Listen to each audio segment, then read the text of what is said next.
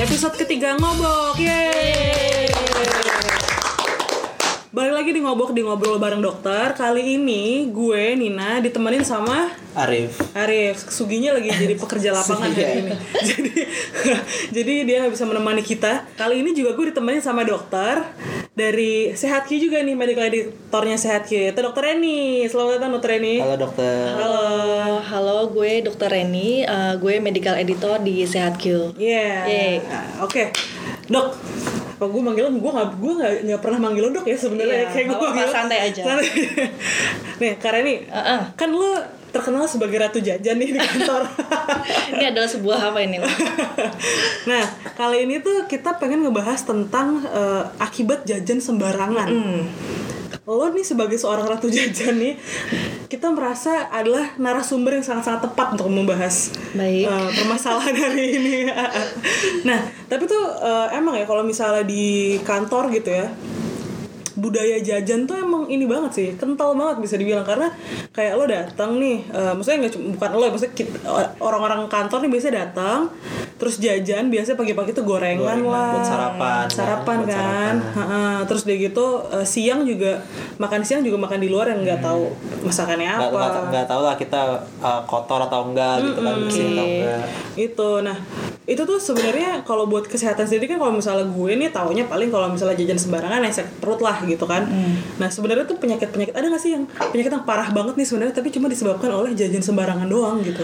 Oke, banyak sih sebenarnya uh, kalau misalnya penyakit akibat jajan sembarangan, uh, salah satunya nih ya dari yang ringan dulu sampai yang berat ya. Uh, yang ringan dulu nih misalnya diare, terus tuh yang lebih beratnya lagi uh, typhoid atau tipes, infeksi saluran pencernaan, bahkan yang terbaru lagi nih jajan sembarangan bisa nyebabin kanker. Wah. kanker Iya. Wah, kok serem ya kenapa tuh Serem kenapa ya. tuh? Eh, kenapa? Karena kan jajan sembarangan itu kan banyak ya tipe-tipenya nih. Misalnya ada pengawet, pewarna, apa perasa. Itu kalau misalnya akumulasi di dalam tubuh dalam jangka waktu yang banyak dan lama itu dapat menyebabkan kanker.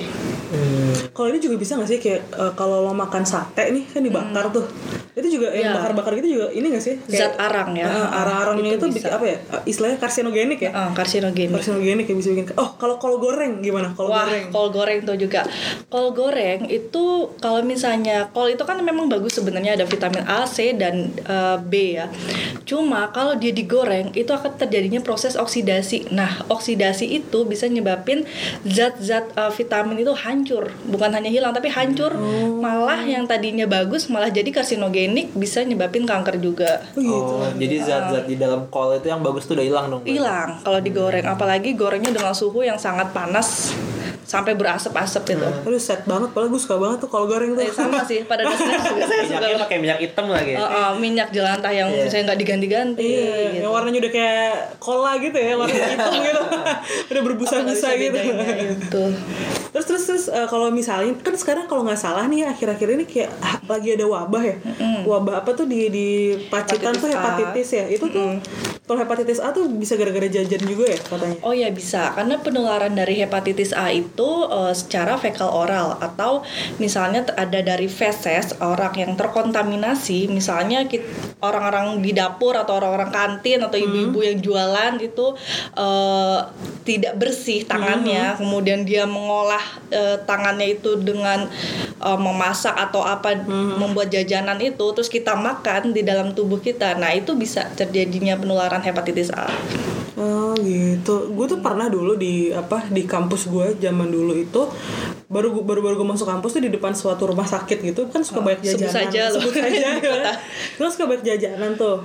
Nah akhirnya eh, orang-orang apa anak-anak kampus gue yang ngekosnya deket rumah sakit itu itu pada ketularan hepatitis gara-gara ada wabah akibat eh, apa namanya ya itu penyebarannya dari jajan sembarangan yang di depan Iya, rumah sakit itu. Jadi karena kan emang itu kotor banget ya maksudnya eh, itu di pinggir jalan jajanannya dibuka aja gitu nggak ditutup pakai apa-apa. Betul. Udah kena asap, kena virus, ke rumah sakit lagi kan maksudnya yang emang yang emang sarang penyakit gitu kan. Terus akhirnya banyak tuh yang kena hepatitis A. Untungnya sih gue nggak kena waktu itu Ah, tapi karena- anda tidak vaksinasi loh Lo nggak vaksinasi hepatitis A? Vaksin dong, vaksin. Oh, udah ya. Atau Nah, jangan-jangan tentu. monopoli rumah sakit kali. Iya. Rumah yang sakit. Biar pada vaksin semuanya, Iya, jadi vaksin semua. income-nya banyak loh. Iya. Bisnis memang utamanya ya. Kalau lu nih vaksinnya tuh pas udah gede, udah seumur ini atau waktu masih kecil sih? Gue agak lupa pasnya umur berapa cuma kayak udah pas udah rada gede sih. Jadi dulu tuh di kampus gue kayak ada program vaksin gitu juga. Jadi eh, kayak anak-anaknya tuh divaksin vaksin yang datang ke kampus gitu. Va- apa si orang yang vaksinnya gitu. Tapi tapi kalau kalau gue kan gue jarang nih, eh, gue nggak gue malah nggak pernah inget sih gue pernah vaksin atau apa aja gitu. Jadi sebenarnya boleh nggak sih mbak kalau vaksin tuh eh kak? Buat ses Oke, kan? Kalau umur batas ada batasan umur nggak sih buat Oke, vaksin? em, untuk vaksin hepatitis A itu sebenarnya bisa dimulai dari usia anak um, 12 sampai 23 bulan dengan jaraknya 6 bulan sampai 12 bulan. Nah, kalau untuk dewasa juga bisa tuh misalnya waktu kecil belum vaksin terus dewasa baru mau vaksin nggak apa-apa. Karena sebenarnya hepatitis A itu vaksinnya yang bukan vaksinasi wajib sih, cuma dianjurkan untuk vaksinasi. Terutama jika kita hidup di eh, daerah yang wabah kayak Iya, iya. hmm, Pacitan ini lebih baik divaksin aja. Atau wisatawan-wisatawan misalnya kita mau pergi ke daerah yang eh, ada endemis eh, takut nih ada hepatitis kejadian hepatitis A lebih baik divaksin aja kayak gitu. Eh, biasanya nanti di vaksin itu eh, ada dua suntikan kan Eh, tadi jaraknya enam bulan. Eh, nanti disuntik di daerah lengan atas kita eh, itu sebanyak 0,5 mili untuk apa nih vaksinnya? Ya jelas untuk pencegahan terjadinya hepatitis A. Oh, jadi bisa aja sebelum gue mau ke satu daerah gitu, gue baru ngambil vaksinnya gitu. Boleh. ya boleh. misalnya lo mau ke Pacitan nih besok Iya. nah, lo vaksin dulu Lo vaksin dulu gitu ya. Oh, Jangan lupa enam bulan kemudian vaksin lagi ya. Oh, jadi Uh, itu ada jedanya. repetitif gitu ya. Oh, dua kali. Jadi oh seumur hidup hanya dua kali. Oh, oke. Hmm, Oke oke. Tapi kalau misalnya dari hepatitis A itu kan A itu kan ada A B ya apa sih hepatitis Oh, kan oh, ada A B betul, C betul. kan ya. Nah itu maksudnya kalau lo udah eh, apa divaksin hepatitis A gitu, lo otomatis terlindung juga nggak dari hepatitis B dan C gitu? Oh enggak, oh, beda lagi dia Oh, beda lagi ya? Karena virusnya eh, virus hepatitis tapi tipenya beda lagi, tipe A, B dan C. Untuk eh, hepatitis B ada lagi untuk vaksin hepatitis B, namun setahu saya hepatitis C belum ada, vaksinnya belum ditemukan. Hmm, Tapi oke. penyakitnya ada. Penyakitnya ada. Oh, terus kalau hepatitis A tuh emang kalau dulu sih ya teman-teman gue yang kena hepatitis A akibat eh, si jajan sembarang itu Iya. tuh itu yang kuning yang kulitnya kuning-kuning gitu Betul, bukan sih? ah, iya, betul. kayak matanya tuh gue pernah liat temen gue tuh kayak matanya kuning banget gitu. Betul. ah, jadi gejala dari hepatitis A itu yang sangat terlihat jelas itu eh, kuning ya. Kuning itu kan paling jelas dilihat dari kulit atau mata kita kayak badannya nih kayaknya kuning gitu. Eh, sama mata paling jelas sih karena mata kita kan putih kan. Jadi kalau kuning itu lebih jelas. Selain itu sebenarnya ada juga gejala lain seperti urinnya berwarna gelap tuh. Jadi kalau kencing eh, buang air kecil tuh warnanya kayak teh pekat kayak gitu. Eh, selain itu ada lagi sih kayak eh, gejala lainnya kayak hilangnya nafsu makan, terus lemas, terus sakit perut, demam, mual, muntah, sama gatal-gatal pada kulit. Gatal-gatal juga ya. Bisa nyebabin juga. Iya, tapi emang kayaknya sih kalau dari set pengetahuan gue ya, kayaknya kalau jajan sembarangan itu ya gejalanya tuh mirip-mirip kayak gitu juga, mual, demam, Muntah ya. muntah gitu. Tapi diagnosisnya bisa beda-beda ya, bisa hepatitis, bisa tipes, bisa apa, bisa apa, bisa apa Betul. gitu. Dan eh, satu lagi nih vaksin apa virus hepatitis A ini dapat bertahan hingga 4 jam di ujung jari loh. Jadi hati-hati nih misalnya kita punya temen yang hepatitis A atau misalnya kayak wabah di Pacitan nih dari pedagangnya yang jualan hepatitis A. Itu virusnya itu bisa bertahan 4 jam di ujung jarinya dia. Di ujung jari Eh, si abang-abangnya itu. Iya bisa. Terus dia ngolah makanan, terus bisa nular ke kita. Makanya eh, sebisa mungkin kita juga harus eh, waspada juga tuh dengan kalau misalnya mau jajan-jajan sembarangan. Hmm, Makanya dia hitungannya gampang banget terjadi, bukan gampang banget sih maksudnya cukup mudah terjadi wabah hepatitis tuh gara-gara dia penularannya gampang ya maksudnya nggak nggak- Jadi, har- gampang. jadi harus pintar milih abang-abangnya ya. Lebih baik bikin sendiri di rumah loh. Iya, nah kalau lu sendiri tuh, lu pernah nggak sih eh, apa namanya sebagai seorang ratu jajan, jajanan terjorok yang pernah lu beli terus akhirnya lu kapok tuh apa yang bikin lu Oh kapok iya, tuh apa? ada. Eh, jadi di sekitar kantor yang tidak boleh disebut namanya gitu, itu pernah tuh makan siang tuh jajan cilor.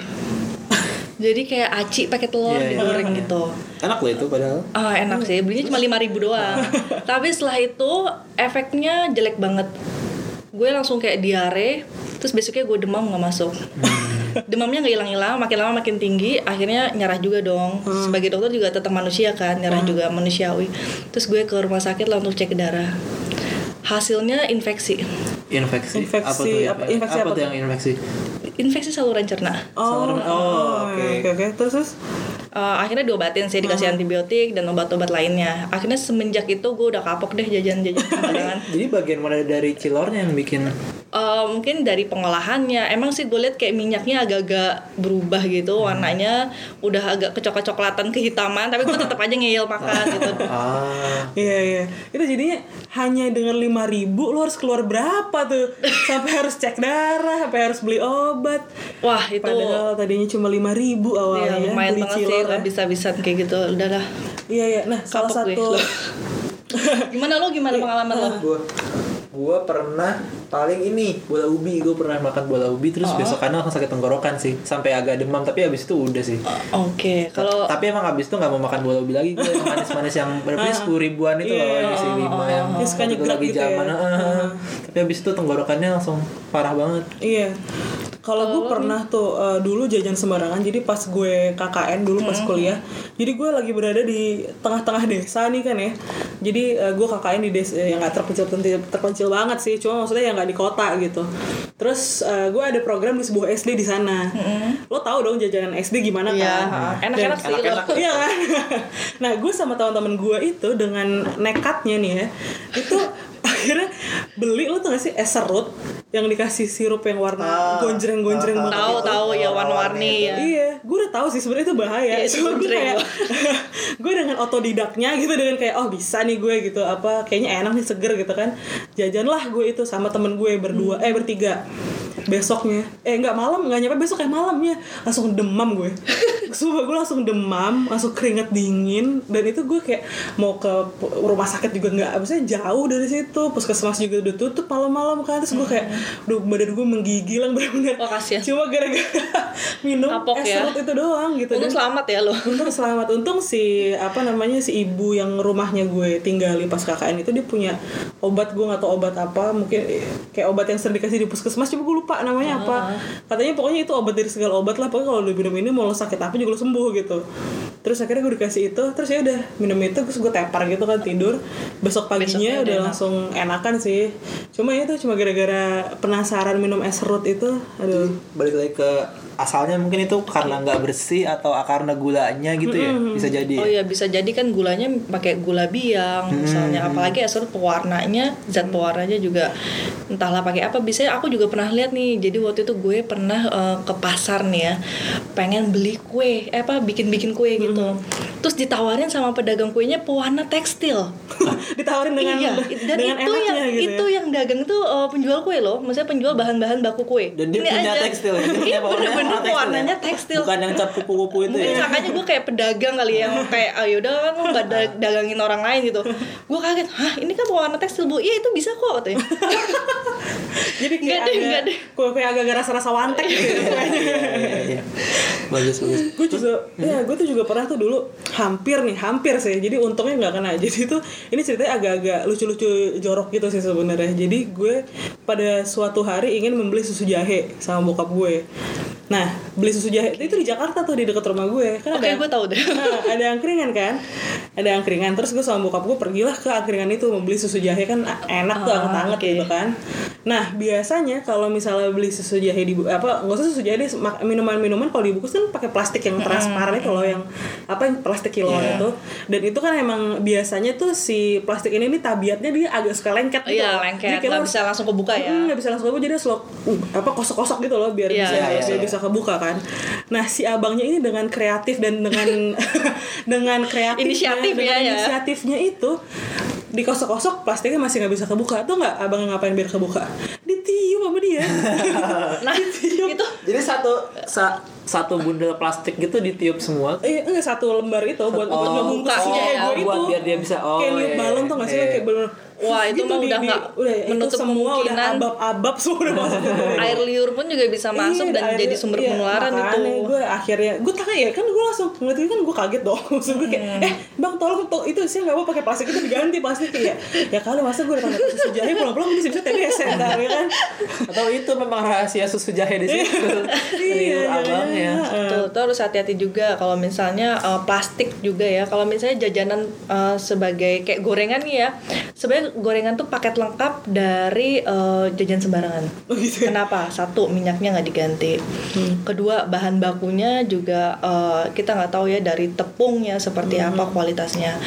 Ketiga, uh, dia tuh misalnya gorengan tuh suka dialasin pakai koran. Nah, Iya. korannya itu uh, itu Baru kan bahan-bahan kimia. Nggak mau baru Baru ya.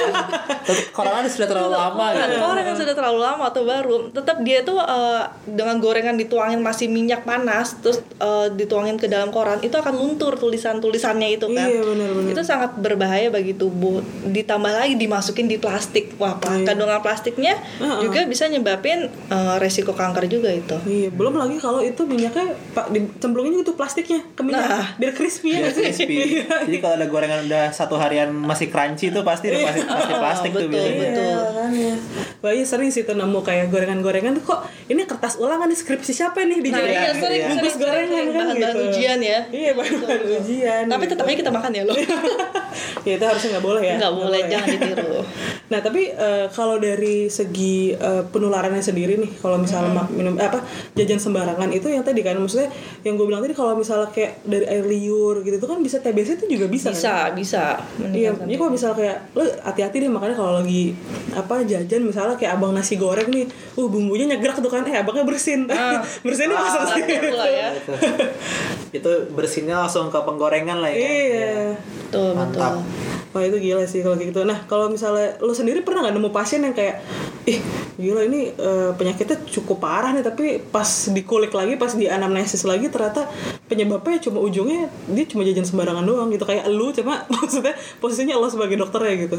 banyak sih uh, tapi kayak kalau misalnya pasien-pasien saya nih eh pasien-pasien gue nih biasanya kalau di puskesmas atau rumah sakit ya, yang sering gue temuin sih biasanya diare sampai sama tipes gitu. Tapi kalau untuk kanker itu kan perlu evaluasi lebih lanjut ya untuk ngediagnosis uh, kanker cuma kalau misalnya yang udah-udah nih uh, seringnya sih mereka kayak jajan-jajan uh, salah satunya gorengan atau ini apa uh, minuman es mambo tau gak Oh, pernah tuh iya, dapat iya, pasien tuh es mambo yang es dibungkus di plastik warna-warnanya cerah nggak jauh beda kayak lu tadi minum itu. Iya. nah itu kan kita nggak tahu ya itu sirupnya pakai apa Ya, pewarnanya pakai apa apalagi gulanya nggak hanya tinggi kalori juga tapi uh, efek bahayanya itu yang lebih berbahaya lagi gitu akhirnya pasiennya berhubung uh, klinik gua kan tidak ada rawat inap langsung gua rujuk juga sih Mhm. Iya, gue tuh ada satu, salah satu ini bukan gue sih yang mengalami temen gue tapi. Jadi ini suatu kejorokan di sebuah jajanan yang cukup memprihatinkan sebenarnya. Jadi eh, jadi temen gue ini pernah memergoki abang-abang cilok lagi menyusun ciloknya. Lu tau kalau bisa abang cilok kan biasanya eh, di sepeda motornya atau di sepedanya tuh ada kayak etalasenya gitu Iya, kan yang iya. buat naruh cilok mentahnya gitu kan nah dia lagi nyusun itu cilok tuh. Lagi disusun ciloknya. Biasanya nyusun kan dari dalam dulu baru keluar. Nah si abang ini kayaknya mungkin begitu tapi yang da- yang paling dalam tuh yang deket kaca itu nggak dipenuhin sampai atas dulu sama dia. Jadi kayak di bawah dari dalam keluar habis itu dalam lagi keluar lagi gitu. Nah pas dia masukin si cilok mentah itu ke dalam posisi abangnya lagi nggak pakai baju. Terus terus dia gitu. Gue kebayang lagi. Jadi akhirnya masuklah itu tangan berserta kelek-keleknya itu masuk ke dalam si etalase itu. Akhirnya kata temen gue tersapulah itu cilok dengan rambut-rambut yang ada. wah ini kalau ada yang nyangkut-nyangkut bahaya juga ya. Nah itu. Tapi maksudnya kalau itu mungkin eh, kalau penyakitnya kalau itu eh, tapi kalau keringat bisa nggak sih Eh, nularin bisa. penyakit? Oh enggak sih kalau Enggak ya kalau ingat ya. Paling gitu kalau itu jijik Disentuh. aja ya iya gitu. lebih ke hygiene juga lebih lah. ke Karena itu hygiene juga ya. nggak tahu kontaminasi dari abangnya habis seperti apa, apa, oh abangnya nggak bersih iya iya iya Terus kalau ini nih, gue kan suka kue cubit gitu ya, setengah Oke. matang gitu. Oh, kue cubit nah, setengah matang. Itu tuh kan gue pernah denger apa rumor beritanya kalau yang setengah matang tuh nggak bagus gitu karena telurnya belum matang ya. Apa sih? Ya itu itu tuh sebenarnya gimana sih? Eh, konsumsi telur setengah matang sih sebenarnya nggak apa-apa ya. Cuma kalau misalnya kue cubit balik lagi bahan dasarnya seperti apa, Oh. ya kan? Jadi sebenarnya yang setengah kalau kita makan kue setengah matang tuh sebenarnya nggak apa-apa gitu ya. nggak apa-apa. Cuma kalau yang penting bahannya lebih baik, buat sendiri aja di rumah. Bahannya gampang kok loh. Silakan Jadi tutorial masak kayak bahas gitu. resep ya. Tutorial masak, Iya, iya. betul. Iya soalnya kan lo, lo tau sendiri kan kalau kue cubit itu kan wadahnya di ember hitam gitu kan biasa ada Iya, tanahnya. iya, iya. terus diciduk pakai gayung gitu Betul, udah- pakai gayung ya. Iya kan udah, udah bocel-bocel gitu gayungnya Hmm. biasanya Nah, tips-tipsnya apa aja nih kalau misalnya eh, lo mau makan atau jajan sembarangan tapi eh, tetap sehat. Ya intinya sih lo bikin sendiri salah satunya. Eh, ya batasi lah, jangan terlalu sering. Dilihat juga lah eh, misalnya beli gorengan di tempat-tempatnya seperti apa gitu. Lebih baik sih ngolah sendiri. Terus abis itu kalau misalnya lo mau ngolah sendiri juga celupkan eh, minyak yang memang eh, nunggu panas dulu, jangan belum panas lo udah cemplung-cemplungin aja nih. oh gitu Kenapa pengaruhnya tuh pengaruhnya apa Eh, nggak terlalu menyerap minyak terlalu banyak. Jadi kalau misalnya belum panas lo udah cemplungin tuh gorengan, Oh, dia dia, lebih langsung menyerapnya ya? lebih banyak, betul. Oh, oke. Terus satu lagi gunakan penggorengan yang kalau bisa sih berbahan eh, stainless dibanding tembaga. Hmm. Eh, sama jaga temperaturnya jangan terlalu berasap-asap tuh kalau apa bikin gorengan tuh kalau asapnya udah terlalu ngumpul dia terlalu panas nggak bagus juga. Terlalu panas nggak bagus, tapi belum panas juga nggak bagus. Ah, ah, nggak nggak bagus juga. kalau terlalu panas tuh apa dia dia Maksudnya merusak j- jangan yang berasap-asap gitu. Jadi kan merusak kandungan dari oh oke gorengan itu. Oh. merusak kandungan gizi ya Kandungan sebenarnya. gizi. Tetap sih yang digoreng juga nggak bagus ya. Yang tadinya lemak tidak jenuh jadi lemak jenuh juga. Mhm. Tapi kalau misalnya alternatif jajanan gitu ya, Hmm. eh, misalnya kayak tetap nih digoreng, cuma pakai minyak kan biasanya kita pakai minyaknya minyak kelapa ya, eh Oh, minyak kelapa sawit ya, minyak iya. sawit ya.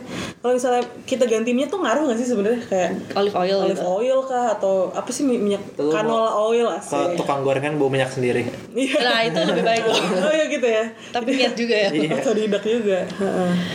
Olive oil sih bagusnya ya bagus sih. Cuma tetap sih nggak untuk digoreng juga. Iya, untuk biasanya kalau olive oil tuh untuk di kayak tumis-tumis gitu ya. Iya iya iya. Nah terus kalau misalnya lo sendiri nih kalau misalnya jajan, biasanya tuh kalau misalnya selain bahannya, selain apa namanya eh, kebersihan yang jualnya, bungkusnya itu juga ngaruh gak sih? Iya betul bungkusnya. Apalagi kan bungkusnya kan bisa kertas atau plastik. Itu ngaruh juga. Kalau styrofoam, styrofoam gimana? Eh, stereofoam eh, juga bisa sih. Bisa berbahaya juga. Lebih bagus sih bungkusnya eh, apa sih yang kayak food package itu? Oh yang ada food grade ya? Ah, ah, yang ada Khusus food grade gitu atau ya? bawa makan sendiri loh, bawa tempat sendiri. Gue tempat sendiri tetap ya. Jadi walaupun makan gorengan nggak sehat, seenggaknya nih ada usaha biar Ada kayak usaha yaudah deh, nih. bawa sendiri Betul, deh gitu betul. tempatnya gitu kan. Jadi nggak pakai kertas skripsi orang lain yang sudah dibikin dengan Ah, terus disaring lagi tuh minyaknya, Jangan-jangan minyaknya lo saring skripsinya lagi. mempengaruhi rasa ya. Iya kayaknya gitu bener. Iya. Oke, nah kalau misalnya eh, sebenarnya sih ada satu juga sih eh, yang yang suka bikin eh, sakit perut. Itu biasa kalau jajan seafood sembarangan. Seafood. Heeh, seafood kayak misalnya lo nih Kerang-kerang eh, gitu ya, oh, gitu iya, yang betul, suka betul. dijual di Kerang pinggir hijau. kerang Oh, hijau. kerang hijau. Dulu tuh gue pernah di sekolah Kerang gue hijau di mana nih yang pinggir? Nggak, tapi dulu tapi kayaknya kesannya kayak pengalaman gue kayak jorok banget gitu sepanjang hidup gue gitu ya nggak cuma Banyak maksudnya dulu banyak banget ya. pengalaman jorok gue gitu Kayak, coba dulu gue pernah pas SD tapi eh, lagi-lagi gue tidak terkenal karena gue nggak doyan kerang Hmm. kerang hijau ya tapi di sekolah gue dulu pas SD tuh pernah terjadi suatu kejadian di mana anak-anak sekolahannya itu tuh pada sakit gara-gara jajan kerang hijau dari satu abang-abang yang sama di depan sekolah gitu. Kalau kerang hijau tuh biasanya dari apanya sih? Karena nggak bersihnya kah atau bahkan mungkin jangan apa merkurinya kah atau apa gitu. Eh, itu keluhannya bisa sampai mual muntah nggak orang kayak gitu. Oh, berarti kayak gejala keracunan makanan ya? Iya, Oke. uh-uh. Itu ke dari kerang hijau sih kandungannya ya kalau misalnya bisa bisa jadi itu nggak bersih atau ada kontaminasi dari kerang hijaunya atau memang eh, parah-parahnya ya kandungan merkuri. Iya. Ya sih karena kalau di Jakarta juga mau ngambil kayak gitu dari mana sih laut Jakarta ada sih laut cuma kayaknya kalau gue tuh pernah baca ya jadi kalau kerang itu salah satu seafood yang paling sering menyebabkan keracunan karena dia itu diambilnya dari laut dangkal yang deket tepi Oh. Jadi masih banyak polusinya Masih tuh banyak di situ. ya? Apalagi kalau ngambilnya di laut ja ya, laut Jakarta kan ya lo lihat sendiri lah gimana di situ banyak bungkus ciki ber eh, apa ngambang-ngambang gitu kan di situ gitu. Dan Jadi, juga ikan lele tuh, lo pernah denger juga gak tuh? oh, kenapa ikan lele? Eh, ikan lele yang di Jakarta juga kayak gitu. Makanya sekarang nih banyak orang budidaya lele sendiri biar bersih. Oh gitu. Heeh. Oh maksudnya ini lele itu mesti ini lele-lele wildlife gitu ya, Iya. lele-lele. Lele-lele. Iya gitu. Lele-lele apa di alam Ya, alam alam liar, bebas gitu, ya? Alam bebas. Oh gitu. Gue gue sih gue malah nggak tahu loh ada orang nangkap lele di alam bebas. Gue kira emang semuanya. Lele ya, lele bukan ada selalu dibudidayakan Iya. ya? Dia- empang gitu, kan les empang gitu. Empang-empang di Jakarta nih lo. Iya, iya. Tapi mungkin ada juga kali ya Cuma masih. Yang masih makannya banyak sih kotoran. orang eh, lele-lele di Jakarta tuh masih banyak yang kotor. Iya, karena emang makannya kotoran bukan? Eh, makanya kotoran. Emang makannya Heeh. kotoran kan? Heeh. Makanya Dia bisa yang gede besar banget. itu ah betul. Dia bisa besar itu karena dia makan kotoran. Iya, karena gue gue pernah tetangga gue nawarin lele dia habis mancing di empang gitu emang lelenya seukuran tangan gue sih. Jadi itu pasti kotoran apa gue nggak tahu dari yang dia makan tuh lelenya gede Eh, banget. pernah, pernah dengar juga nih eh, katanya lele itu kalau nggak makan dia menciut sendiri. Oh iya. Ah, ah, saudara karena kayak eh, ada saudara jauh gitu kayak budidaya lele itu dia bawalah lele itu ke Jakarta kan. Pokoknya pas udah makin lama tuh nggak dikasih makan tuh lelenya ngecil sendiri. Mungkin perlu penelitian lebih lanjut ya bener gak tuh kalau misalnya makan kotoran Agak unik ya dia. jadi makin besar kecil tapi glember ya. Jadi semua nggak makan pakai olahraga. Kali ya, Karena nggak pakai olahraga kan dia kurusan gitu. Jadi banyak kulit kulit gelambir. Iya. Iya, iya, iya. Kalau tapi emang kalau jajan sembarangan itu emang budaya yang susah banget sebenarnya dihilangin karena pertama jajanan itu harganya tuh murah, Murah, pasti. iya. Yang Iya, kedua betul. rasanya enak ya karena gimana nggak enak orang isinya penyedap doang ya kan. Judulnya aja udah penyedap rasanya udah pasti sedap kan Iya, gitu. Betul, betul. Nah terus gitu yang ketiga ya itu tadi karena kita udah saking seringnya kali ya dari kecil udah dibiasain bukan dibiasain sih maksudnya kayak udah ya udah aja gitu nggak terlalu strict gitu aturannya kayak kamu nggak boleh jajan ini nggak boleh Iya. Karena jajan ini gitu. makan gorengan udah jadi budaya soalnya. Iya, kayak udah kita jadi budaya. kayak puasa aja kan Buka pasti yang banyak ya. gorengan kan. Iya. daripada kurma ya lebih enak Iya, tempe. iya. Heeh, heeh. bener bener bener lah kayak gitu deh pokoknya kalau nggak bahas jajan kayak emang gak ada habisnya sih gitu tapi emang eh, ke depannya sih eh, apa namanya ya termasuk gue juga ingin berusaha mengurangi jajanan-jajanan sembarangan itu termasuk Iya, lo juga Arif mungkin Belum ada rencana sih. belum ada rencana jangka panjangnya Iya. jangka panjang ya oke itu ya manusia boleh berencana ya oke oke thank you banget dokter Reni udah uh, nyempetin Oke. ngobrol bareng gue sama Arif Iya, hari sama-sama. ini di ngobok di ngobrol bareng Sama-sama, dokter Arif. Minggu depan sama Sugi lagi kan ya? Mungkin ya kita kita masih nggak tahu nih apakah minggu depan Sugi Semoga bisa jadi Sugi tidak kembali lagi ya. oh, oh, saya bisa saya bisa di sini lagi. Oke. nggak tahu apakah Sugi minggu depan masih jadi pekerja lapangan atau enggak gue nggak tahu ya Oke. Oke, eh, kalau misalnya ada yang mau ngasih saran topik atau ada pertanyaan seputar podcast kita, bisa langsung eh, DM di Instagram kita @sehatq underscore id.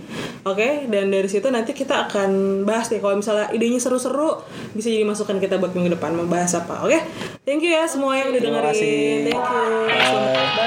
Thank you. Bye. Bye.